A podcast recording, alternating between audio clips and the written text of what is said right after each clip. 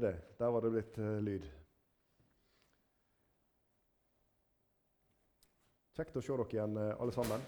Jeg har gledd meg til uh, møteoppstart igjen i Arken etter juleferie. Og syns òg det var veldig fint å lytte til både åpningsord og sangen jeg for deg, Sigrid, og allsangene vi har sunget her. Liksom godt å kjenne på fellesskapet. Og budskapet som vi fikk alle sammen lytte til her nå tidlig i møtet, det er òg med å understreke noe av det vi skal ha for oss her i det videre. Og det er godt å kjenne hvordan eh, Gud sanksjonerer iblant oss. Han har himmelsk omsorg for en liten flokk som sitter samla her på Arken menighet i formiddag, og vet hva vi trenger. Han kjenner våre behov, og vi sang her i sangen like før vi nå skal gå løs på talen. Herre, du vår lengsel ser, og vi vet din vilje skjer. Um, skal vi be litt sammen. Herre Jesus, nå ber jeg Herre om at du må gi oss den rette lengsel i våre hjerter, Herre, nå når vi sitter og skal lytte til ordet ditt. Herre, la oss få være forventningsfulle til det som du vil gi oss. Vi ber om din ånds åpenbaring over ordet, den enkelte av oss, både for meg som står her, og for de som skal ta imot det ordet som du har gitt oss i formiddag. Velsign stunder for oss i ditt hellige navn. Amen. Vi tar for oss starten på Fjerde Mosebok i denne del 17. Eh, vi gjorde oss ferdig med tredje Mosebok eh, på fjoråret. og eh, Den delte vi i to. Vi snakket om tredje Mosebok som en slags veiledning, manual for prestetjenesten. Og så delte vi den andre halvdelen inn i det som handler om helliggjørelse. Altså et hellig liv, det å leve et hellig liv for Jesus. Fjerde Mosebok, denne bokens handling den er innenfor et, et tidsrom på sånn ca. 40 år. Og det er 36 kapitler i Fjerde Mosebok, for deg som lurte på det. Tidsmessig så er ikke Fjerde Mosebok eh, særlig detaljert. Den beskriver en hel del eh, begivenheter. Og det som eh, vi kanskje kan merke oss, det er en del av de begivenhetene som vi finner i Fjerde Mosebok. De er ganske detaljert beskrevet. Mens altså selve tidslinja er ikke så veldig nøyaktig beskrevet i Fjerde Mosebok. Jeg har tenkt at uh, Fjerde Mosebok kan deles i tre hoveddeler. Det er nok ulike synspunkt på det. Men uh, hvis vi ser for oss tre hoveddeler, så tenker vi den gamle slekt, altså de som vandrer ut fra Egypt. Også da reisen fra Sinai og til Kades. Og Det er kapittel 1 til 14. Uh, det er den delen vi skal ta for oss i dag. Så har vi denne overgangstiden, altså selve ørkenvandringen, som er fra kapittel 15 til 20. Og så har vi da den nye slekt. Eh, og Det er da reisen fra Kades og frem til, til, Jordan. Og Det dekkes da av kapittel 21 til 36. Men i dag skal vi altså ta for oss den første tredjedelen her, som handler om eh, den gamle slekt, de som vandrer ut fra Egypt. Og Når vi leser Fjerde Mosebok, så starter boka i kapittel 1 med en folketelling. Og Dette er altså den slekta som vandrer ut av Egypt. Fjerde Mosebok 1 og vi leser vers 1-3. Herren talte til Moses i Sinai-ørkenen i sammenkomstens telt på den første dagen i den andre måneden i det andre året etter at de var dratt ut av landet Egypt. Og han sa, Ta opp manntall over hele Israels barns menighet, etter deres etter og familie, og skriv opp navnene på alle som er av mannkjønn, én for én. Fra 20-årsalderen og oppover alle dem i Israel som kan dra ut i krig, skal dere mønstre, her etter her, du og Aron. Hvis du leser dette kapittelet og litt utover der, så vil du finne ut at eh, under denne opptellingen så summerer vi sammen 603 550 krigsføre menn som etter Herrens befaling er talt fra 20-årsalderen og oppover. Vi leser 4. Mosebok, kapittel 1, og vers 45-46. Og alle de av Israels barn som ble mønstret etter sine familier fra 20-årsalderen og oppover, alle i Israel som kunne dra ut i krig, så mange som ble mønstret, var 603 550. Hvis vi da ser for oss eh, Israel de har vært og vi skal komme litt mer inn på dem, de har vært i Egypt Totalt sett 430 år. De har vært i slaveri i 400 år. Og denne slekten som vandra ut med Jakob, og som kom til Egypt, disse 70 menneskene vi skal komme mer inn på det også, de er altså nå, når vi er kommet ut av Egypten og kommet til Sinai. Og i det andre året her, som vi leste, så foretas folkeopptellingen. Og Her er det bare de som da altså er fra 20-årsalderen og oppover, og som er krigsføre menn, som er talt, som utgjør da 603 550. Så på dette tidspunktet her så ser vi for oss et folk som totalt sett måler et sted mellom to og tre millioner mennesker. Er et enormt folk som er på vei gjennom ørkenen. Levi stamme er unntatt fra denne tellingen. Vi leser 4. Mosebok kapittel 1 vers 49. Bare Levi stamme skal du ikke mønstre, og over dem skal du ikke oppta manntall sammen med de andre Israels barn. Du husker fra 3. Mosebok om stammen som håndterte prestetjenesten. Tjenesten ved tabernaklet. Og det er Levis barn og Levis stamme som håndterer det. Derfor er de heller ikke regna med iblant disse krigsførermenn. De skal håndtere tjenesten ved Herrens tempel. Dette folketallet det synes jeg det er, en, det er et, et, av flere vitnesbyrd om hvordan profetordet i Bibelen går i oppfyllelse. I Første Mosebok, kapittel 12, og vers 1-2. Dette har vi jo lest før, for vi har vært igjennom fra Første Mosebok kapittel 1 og vers 1 og frem til i dag. Men vi får repetere litt. Vi leser disse to versene. Og Herren sa til Abraham.: Dra bort fra ditt land og fra din slekt og fra ditt fars hus til det landet som jeg vil vise deg. Jeg vil gjøre deg til et stort folk. Jeg vil velsigne deg og gjøre ditt navn stort, og du skal bli en velsignelse. I disse to versene så ligger det materiale for minst én bibeltime. Vi kan ikke stoppe for alt. Men jeg vil minne om det løftet som Gud gav til Abraham. Jeg vil gjøre deg til et stort folk. Kapittel 15 og vers 5 i første Mosebok. Han førte ham utenfor. Altså Gud førte Abraham utenfor teltet sitt der. Og så sa han, se nå opp mot himmelen og tell stjernene hvis du er i stand til å telle dem. Og han sa til ham, slik skal din ett bli.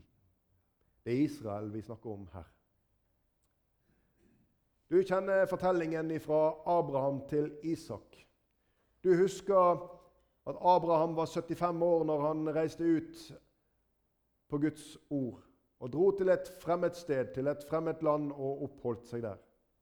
Du vet om alle de årene han gikk og venta på at dette løftesbarnet, denne løftesønnen, skulle komme. Og Abraham var 100 år når han fikk Isak. Et under. Hvis du har lest litt i Guinness rekordbok, så vil du finne at uh, det er ingen mødre gjennom historien som har vært så gamle som Sara, som var 90. Fra Abraham til Isak så handler det om en venteperiode. Og det handler om en tillitsperiode til Gud, til Guds løfte. Og Gud han fornyer pakten. Flere ganger så minner Gud Abraham om dette. Og Abraham trodde Gud. Abraham han stolte på Gud og på Guds løfte. Og så kjenner du fortellingen om Isak som kom. Og så husker du eh, fortellingen videre om Isak, og vi var gjennom når eh, tjeneren eh, skulle hente inn en brud til Isak. Og vi husker at han gifta seg med Rebekka. Og så husker vi disse to sønnene som de fikk, Jakob og Esau. Så husker du kanskje fortellingen fra Jakob til Josef og de, de brødrene der. Eh, om Josef som kom til Egypt, og som ble hva skal vi si, statsminister i landet. Og som hadde hånd om alle alle forrådene i forhold til mat, og som tok seg av alt det praktiske i forhold til hungersnød. Josef som først eh, var urettferdig dømt og fengslet og satt lenge inntil Gud viste at han kunne tyde faraos drøm. Og Så fikk han denne tillitsfulle stillingen. Og så kjenner du igjen, eh, kanskje du husker det, eh, når Jakob og hans sønner kom ifra bort, eh, landet borte og kom tilbake igjen, altså fra Kanan og kom tilbake igjen til, til Egypt eh, og bosatte seg i Gosen sammen med Josef. Og når Jakob reiste med disse sønnene sine og konene der og deres barn. Vi leser 2. Mosebok kapittel 1, vers 1-5. Dette er navnet på Israels sønner som kom til Egypt. De kom sammen med Jakob, hver med sitt hus. Ruben, Simeon, Levi og Juda. Isakar, Sebulon og Benjamin. Dan og Naftali. Gad og Asher. De som, var, de som stammet fra Jakob, var i alt 70 sjeler. Josef var allerede i Egypt. Dette er altså den historien, et sånt snapshot, hvor eh, vi ser fra Abraham og frem til Jakob, og så disse sønnene som da blir til de tolv stammene i Israel. 70 sjeler som kommer til Egypt. Og Så leser vi 2. Mosebok vers 1-7. Men Israels barn var fruktbare og tiltok sterkt. De økte og ble meget tallrike, og det ble fullt av dem i landet. Og I Egypt. De bodde i Gosen, og det ble et stort folk av disse. Og vi husker på Guds løfte til Abraham. Abraham som tilsynelatende kom til å forbli barnløs. Men så griper Gud inn. Og Gud, han holder sitt løfte. Om du glemmer mye av det andre jeg skal si her i formiddag, så vil jeg at du skal huske nettopp det. At Gud, han holder og står fast ved sitt løfte. Gud er trofast. I det videre her, så når dette, folket ble så tallrike her i Egypt, så ble farao engstelig. Og Det var en ny farao som ikke kjente denne historien om Josef og alt som hadde vært. Og Han gir denne ordren at alle guttebarn iblant hebreerne de skulle da drepes. Og så husker du fortellingen om den vesle gutten i denne sivkurven ute på Nilen. Eh, denne vesle gutten som eh, har et navn som begynner på M og slutter på Oses. Moses han ble satt ut der, og du husker fortellingen om eh, hvordan Moses ble tatt hånd om ved faraos hoff. Vi skal komme litt tilbake til det. Men det er altså ifra livet i Gosen til slaveri i 400 år. Og også dette var en oppfyllelse av en profeti. Vi leser 1. Mosebok 15, 13. Og han sa til Abraham.: Du skal vite for visst at din ett, altså ikke hvem som helst, din ett, Abraham, de skal bo som fremmede i et land som ikke er deres. Vi vet at de bodde i Egypt. Vi vet at de var treller der. De skal trelle for folket der, og de vil bli undertrykt og plaget i 400 år. Moses han er et forunderlig vitnesbyrd om Guds plan og Guds makt til å oppfylle den plan som han har forutsagt. Vi kan ikke stanse veldig mye med Moses her i formiddag. Vi har hatt bibeltime om Moses. Men jeg vil minne om dette. Moses han eh, levde 40 år ved faraos hoff. Han vokste opp der han fikk de beste skolene, den beste utdanning. Han lærte seg om kultur og om ulike praksiser. Moses han var en velutdannet og en høytstående person i Egypt. Og så vet du at eh, Moses han begikk et drap der fordi han så en veldig urettferdig handling. En slavedriver som eh, tok livet av en slave. Og Moses hevna seg over denne slavedriveren og tok livet av ham. Og Så måtte Moses flykte for sitt liv. Og Der i ørkenen der møter han eh, Jetro, som da altså blir hans svigerfar. Og Etter 40 år ved faraos hoff så er nå Moses 40 år gjeter der blant sauene. Det er ganske kontrast. Der er Moses og gjeter for sauene for, for. Så kaller Gud Moses, og du husker fortellingen om den brennende tornebusken. Og Gud kaller Moses til tjeneste i en alder av 80 år. Nå skal du dra til Egypt, Moses, og der skal du hente det folket som jeg skal utfri. Og så er det da til denne 40-årige ørkenvandringen fra Egypt og frem til Kanan. Og Moses har da fått denne rollen som Guds utvalgte leder for sitt folk Israel. Selve utvandringen den, eh, og løftet om hvordan dette skulle skje, den gav Gud til Moses, der Moses sto ved den brennende tornebusken og hørte Guds røst. 2. Mosebok 3,8. Nå har jeg steget ned det er Gud dette her, nå har jeg steget ned for å befri dem fra egypternes hånd. Jeg skal føre dem opp fra dette landet, til et godt og vidstrakt land, til et land som flyter med melk og honning. Det er det landet hvor kananeerne bor, og hetittene og amorittene, og ferisittene og hevittene og jebusittene. Tidspunktet for denne folketellingen som vi nå er kommet til i det første kapittelet i 4. Mosebok Nå har jeg prøvd å gi litt sånn forhistorie til eh, Nå står vi her eh, i starten på 4. Mosebok, og så skal denne folketellingen finne sted. Og Vi leser 4. Mosebok 1, vers 1-3. Herren talte til Moses i Sinaiørkenen, i sammenkomstens telt, på den første dagen i den andre måneden i det andre året etter at de var dratt ut av landet Egypt. Veldig sånn tidfeste. Så er det altså 20 dager etter at dette har funnet sted. Så blir det et oppbrudd her ifra Sinai. Nå starter ferden herfra og frem til ørkenen Paran, hvor de skal slå leir. Og leser, Du får lese litt på egen hånd om hvordan, eh, hvordan Gud går foran dem. Eh, hvordan denne, denne, skyen senker seg når de skal bryte opp og osv. Det kan du lese om i kapitlene her i 4. Mosebok. Og Vi gjør et stort hopp, og så leser vi om dette oppbruddet 20 dager seinere. Da er vi kommet fram til kapittel 10 i 4. Mosebok. Og Vi leser vers 11-12. Og det skjedde i det andre året, i den andre måneden, og på den 20. dagen i måneden, da løftet skyen seg fra vitnesbyrdets tabernakel. Og Israels barn brøt opp og dro i dagsreiser ifra Sinai-ørkenen, og skyen, skyen senket seg ned i ørkenen Paran. Sånn gjør Gud dette. Sånn eh, viser Gud når eh, folket skal dra, og når folket skal stoppe. Denne skyen den løfter seg, og den senker seg. Og Gud han er med folket på en slik måte at de kan også da se dette når de skal slå leir. Nå slår de altså leir her i ørkenen Paran. Det kan du lese om i kapittel 12 og vers 10. Og Vi skal gjøre enda et lite hopp til kapittel 13 når vi skal lese vers 1-3. Og Herren talte til Moses og sa.: Send noen menn av sted for å utspeide Kanans land som jeg nå vil gi Israels barn. Én mann for hver fedrestamme skal dere sende. Hver av dem skal være en høvding blant folket. Da sendte Moses dem fra ørkenen Paran etter Herrens ord. Alle var de overhoder for Israels barn.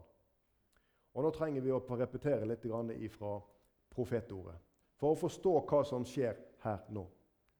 Moses han eh, sender altså noen speidere her for å utspeide dette Kanans land. Som Gud her sier, for Herren talte til Moses og sa at han skulle gjøre dette. Og så sa han også om dette landet, som jeg nå vil gi Israels barn. Du, Guds løfte om utfrielse fra Egypt og oppfyllelse av den profetien, det har vi lest om. Og I den første, første biten av det første verset der i 2. Mosebok 3,8.: Jeg skal føre dem opp fra dette landet. Dette er fra når Gud taler til Moses når Moses står ved den brennende tornebusken. Jeg skal ikke bare vil, men skal føre dem opp fra dette landet. Fra dette landet hvor folket er i trelldom og fangenskap. Og så lover Gud enda mer. Han skal ikke bare ta dem ut av dette fangenskapet, og så, hva skal de finne på? Nei, Nå skal vi lese om Guds løfte om ledelsen til et nytt land. Til et godt og vidstrakt land er det Gud lover dette folket ved Moses. Og så sier Gud noe også om de kvaliteter som finnes i det landet som han lover dem. Gud taler om et land som flyter med melk og honning. Og så sier Gud videre at dette landet er opptatt Moses. Det landet hvor kananeerne bor, og hetittene og amorittene og ferisittene og hevittene og jebusittene. Det bor folkeslag her, Moses. Men jeg skal føre de ut fra fangenskapet. Og dette landet som jeg lover, det er et godt og vidstrakt land. Et land som har alt det dere trenger. Det flyter med melk og honning. Og så bor det folk der fra før. Moses har fått denne beskrivelsen fra Gud. Så når vi er her i 4. Mosebok og i kapittel 13, når Moses skal sende disse speiderne inn i dette landet, så er det nesten som en kan ane at disse ordene fra 2. Mosebok 3,8 de ringer i Moses sine ører. Nå er vi kommet til det stedet hvor vi skal kunne sende inn speidere. Og nå skal vi sende dem inn, så skal de få bekrefte de kvaliteter som finnes inn i dette landet. De skal få skue opp fra fjellets topp at dette landet er et godt og et vidstrakt land. Men de skal også få se at det bor folk her som blir våre fiender, for vi skal innta dette landet. Og Det er Gud som sender speiderne inn. Det er ikke Moses som sender speiderne inn for på en måte å skaffe seg en god referanse. Moses har allerede fått beskrivelsen ifra Herren. Moses hadde ikke bruk for noe utspeidelse av dette landet for å forstå hvem som bodde der, hvem som var deres fiender, eller om landet var godt eller dårlig. Men Gud gjør dette. Han plukker ut ifra Israels stammer lederne for at de skal gå inn for å få en bekreftelse overfor folket at det er sant, det som Gud har sagt. Herren talte til Moses og sa, 'Send noen menn av sted for å utspeide Kanans land.' Og Gud har til hensikt å la de få innta dette landet, som jeg nå vil gi til Israels barn, sa Herren.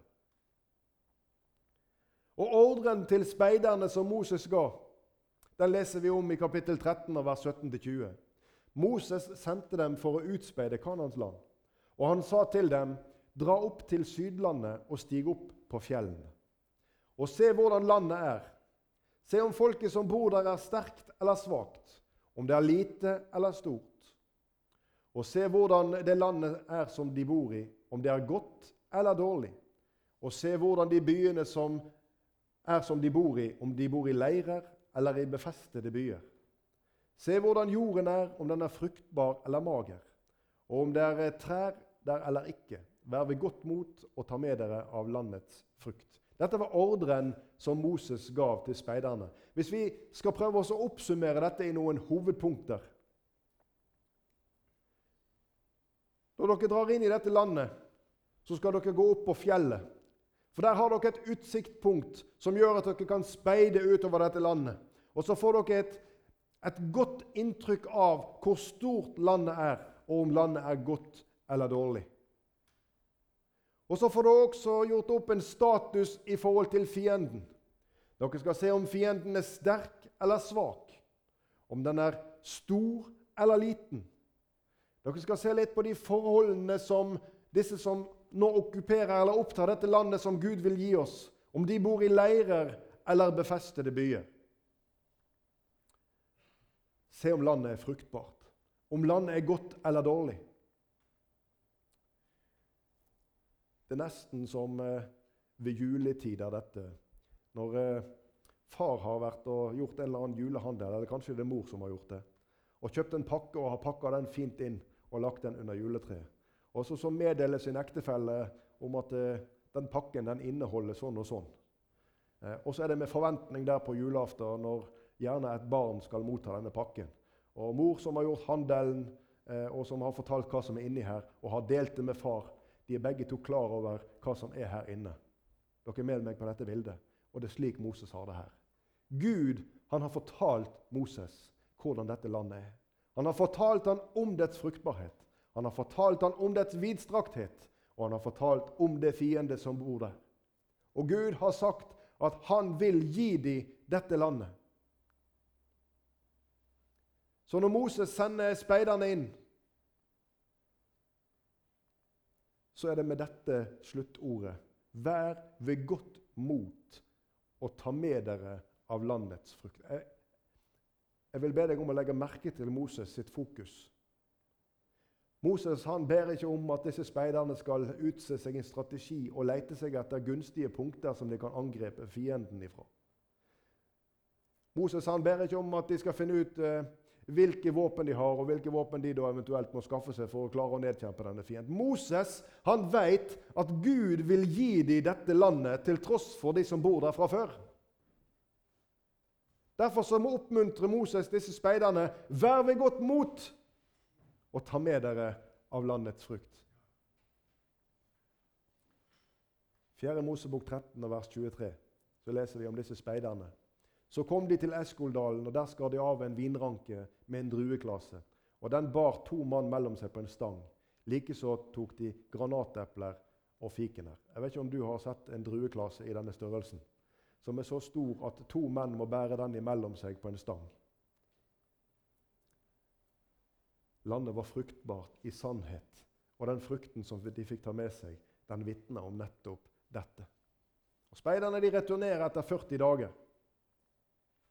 Vi leser vers 26-29 i kapittel 13. De gikk av sted og fant Moses og Aron og hele Israels barns menighet i ørkenen Paran, i Kadesh. Og de gav dem og hele menigheten beskjed om hva de hadde sett, og viste dem landets frukt. De fortalte ham og sa, 'Vi kom til det landet du sendte oss til.' 'Det flyter virkelig med melk og honning, og her er dets frukt.' Men folket som bor i landet, er sterkt. Byene er som festninger og meget store. Og Der så vi også Anaks barn. Amalekittene bor i Sydlandet. Hetittene og jebusittene og amurittene bor i fjellbygdene. Kananeerne bor ute ved havet og langsmed Jordan. Vi stopper og tar en liten refleksjon. Er dette landet slik som Gud hadde lovt? Et godt og vidstrakt land som flyter av melk og honning? Ja, det må vi svare ja på. Det landet hvor kanoneerne bor, og hetittene og amorittene og ferisittene og hevittene og jebusittene. Ja, det også stemmer veldig godt. Slik som Gud har sagt. Dette fiendefolket, eller det som være, blir fiendefolket til Israel, det bor i dette landet. Kapittel, 30, nei, kapittel 13 og vers 30-33. Vi leser videre. Kaleb ba folket være stille og ikke sette seg opp mot Moses. Han sa, 'Vi vil dra opp og ta landet i eie. Vi skal nok få det i vår makt.'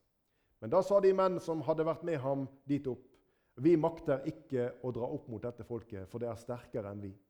Og de talte ille blant Israels barn om det landet de hadde utspeidet, og sa:" Det landet vi dro gjennom for å utspeide, er et land som fortærer innbyggerne sine. Alle vi så der, var høyvokste folk. Der så vi kjempende Anaks barn av kjempeetten, og mot dem var vi i våre egne øyne som gresshopper og det syntes også de at vi var. Du kjenner denne sangstrofa som du leser her på skjermen, du som sitter her og ser på. Hit inntil Herren har hjulpet så vel, inntil i dag, til i dag. Her står Moses og Israel på grensen til det landet som Gud med ed har lovet å gi dette folket. Dette landet som Gud har beskrevet med alle dets kvaliteter, sin vidstrakthet og fiendefolk som finnes der inne. Og på veien frem hit til grens, dette grenselandet så har Gud stadig vist sitt nærvær.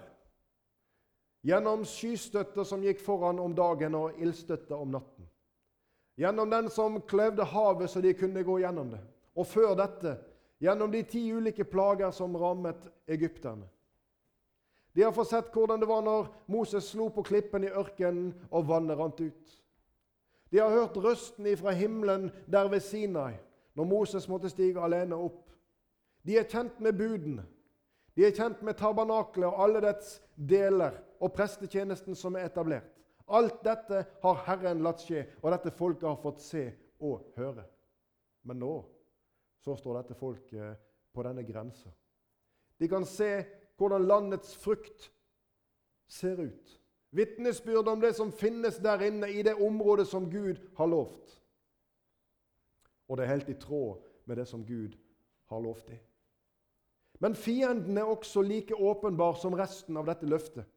Og løftet om at de skal innta dette landet, det strider med fornuften, fordi at i sine egne øyne så ser de seg selv som gresshopper. Og de har òg en sterk formening om at eh, fiendefolket synes også at de ser ut som det. Og så svikter motet. Og så endres fokuset ifra frukten og ifra løftet til fienden. Og så tar mismotet plass i folkets hjerte. Og så står de her på grensen til å kunne stige inn i Guds løfte om en fruktbar tilværelse i et liv hvor de har alt det de trenger. Hvor ikke bare fangenskapet er slutt, men ørkenvandringen er over. Og hvor Gud vil gi de landet. Gud har bekreftet at han vil gi de landet. Likevel så blir fokuset på fienden for stort. Det her finnes noen paralleller i dette. For du og jeg som har tatt imot Jesus, har fått oppleve en slik utfrielse og er blitt satt i frihet ut av trelldom. Fridd ifra syndens lenker. Fridd ifra syndens lov, som sier at 'den som synder, skal dø'. Utfridd ifra dette, tatt over ifra mørket og over i Guds himmelske lys. Iført Jesu Kristi rettferdighetskledning. Ansett av Gud som hellig og ulastelig og ustraffelig, om du leser Kolosserbrevet. Det er din faktiske tilstand. Men Gud har ikke lova en vandring gjennom denne verden uten sverdslag. Og slik er det også for Israel. Gud har ikke lova dem at de skal stige inn i dette landet uten at det blir sverdslag, men han har lova at de skal få det. Han har lova at han vil åpne det for dem. Og Gud og det skal vi lese om senere, Gud han vil drive ut disse folkeslagene for dem etter hvert som Israel går frem, til tross for deres manglende både krigsførhet og våpenarsenal.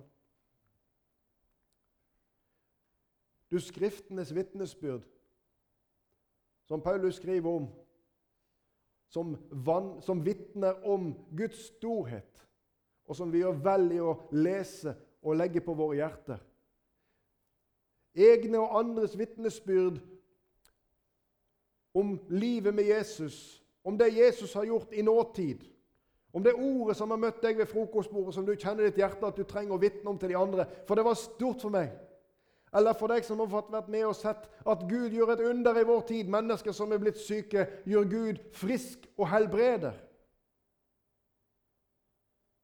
Det finnes mange eksempler på Guds makt. Og Disse eksemplene og disse vitnesbyrdene de skal vi dele mellom oss. Det har han sagt at vi skal gjøre. Og alt dette det vitner sammenlagt om Guds makt, om Guds plan og om Guds trofasthet. Du landets frukt. I Salme 34, vers 9, så kan du lese Smak og se at Herren er god. Jesus ønsker at du skal få smake av landets frukt. Stadig vil han at du skal få smake av landets frukt og få betrakte denne frukten fra det landet som finnes der inne. Og denne muligheten til å smake landets frukt av kjærlighet, glede, fred, langmodighet, som alt sammen er åndens frukter i ditt liv, du som har tatt imot Jesus. Det har han gitt deg, og så vil han stadig la deg få nye opplevelser og erfaringer med dette gjennom sitt ord. Slik at du kan vite for visst at Gud står ved sitt løfte. Han vil føre deg inn til himmelen, til tross for at fienden som du møter på veien, og som stadig legger ut nye snublesnarer for deg, så du skal falle, så du skal falle i synd, så du skal miste motet. Gud vil minne deg om at han har til hensikt å bevare deg. At han har til hensikt å gi deg det land, det himmelske land, som han har gitt deg til arv gjennom Jesu Kristi blod. Hva med fienden, da? Jo, I Kolosserbrevet 2,15 så står det et vidunderlig vers om hva Jesus gjorde med fienden som prøver å ødelegge for deg på veien. Vi leser. Han avvæpnet maktene og myndighetene og stilte dem åpenlyst til skue da han viste seg som seierherre over dem på korset. Halleluja! Han avvæpnet makten og myndighetene. Den vonde, han kan true. Men du skal vite i ditt hjerte at han er fratatt sine våpner, og at han er beseiret, om han enn kan se fryktinngytende ut for ditt hjerte og for din tanke. Når han kommer der i all sin gru og vil minne om den, nær sagt, den trussel han utgjør, eller når han vil minne deg om alt det som du ikke får til, så skal du minnes dette som Jesus gjorde med denne fienden. Han viste seg som seierherre over dem. Ikke bare djevelen, men alle hans demoner og engler som ønsker å påvirke oss. Du, Mot slutten her Veien til himmelen den er ikke uten torner. Og Det vi har lest her i denne første delen av Tredje Mosebok, det er med å fortelle om at sånn er det. Veien til himmelen er ikke uten torner, uten prøvelser og uten vanskeligheter. Og fienden, han lurer hele tiden. Johannes 16 og 33, så sier Jesus Dette har jeg talt til dere, for at dere skal ha fred i meg. I verden har dere trengsel, men vær frimodige. Jeg har overvunnet verden. Du, Hvordan leser du dette verset? Hva er fokuset ditt når du leser dette verset? Jeg har lagt noen understrekninger som jeg gjerne vil du skal legge merke til, du som ser dette verset her i arken. Du, Det er lett å lese dette, denne linja og tenke i verden har dere trengsel. Uff, ja, det er sant. Og det er vanskelig. Men det står noe mer om dette her. Jesus han visste om dette. og Derfor så sier han at det jeg nå sier til dere her, det har jeg sagt fordi at dere skal ha fred i meg. Og det er til tross for at det finnes trengsel i verden. For hør Vær frimodige, for jeg har overvunnet verden. Halleluja! Jesus har overvunnet verden. Så når denne verdens fyrste kommer og gjør sitt inntog i ditt liv med alle slags plager og prøvelser og trengsler, så skal du vite dette, at der finnes fred for ditt hjerte hos Jesus. Og Jesus vil minne deg om det i dette verset. Han har talt det til deg for at du skal ha fred. Jeg har overvunnet verden. Minnes det, mitt barn. Og du og jeg vi kan lære av de ordene som Moses gir i sin ordre til speiderne. 4. Mosebok 13,20.: Vær ved godt mot og ta med dere av landets frukt. Jeg tror ikke det kan sies på noen bedre måte til deg og meg. Vær ved godt mot og ta med deg av landets frukt. Sørg for at du undersøker det landet som du skal få innta, og se den frukten som finnes. Og så er det en eh, annen metafor omkring dette med hvorvidt Kanans land representerer himmelen eller ikke. Men det skal vi komme tilbake til. For i himmelen er det ingen trengsel og prøvelser og fiendefolk. Det var det i Kanan. Men det skal vi komme tilbake til ved en annen anledning. Herre Jesus, vi ber deg om at du må hjelpe oss å være himmelvendte. Vi ber Herre om at du må hjelpe oss å være tålmodige. Og vi ber om at du må hjelpe oss å være tillitsfulle som barn, Herre Jesus, hos deg. Herre, du har gitt oss ditt løfte. At du vil føre oss, og at du vil bevare oss. Og du har sagt til oss at vi ikke trenger å frykte. Likevel så ser du, Herre, at vi agerer sam på samme måten som disse. Du har gitt oss, Herre, å se inn i noen av de skatter som du vil gi oss, Herre.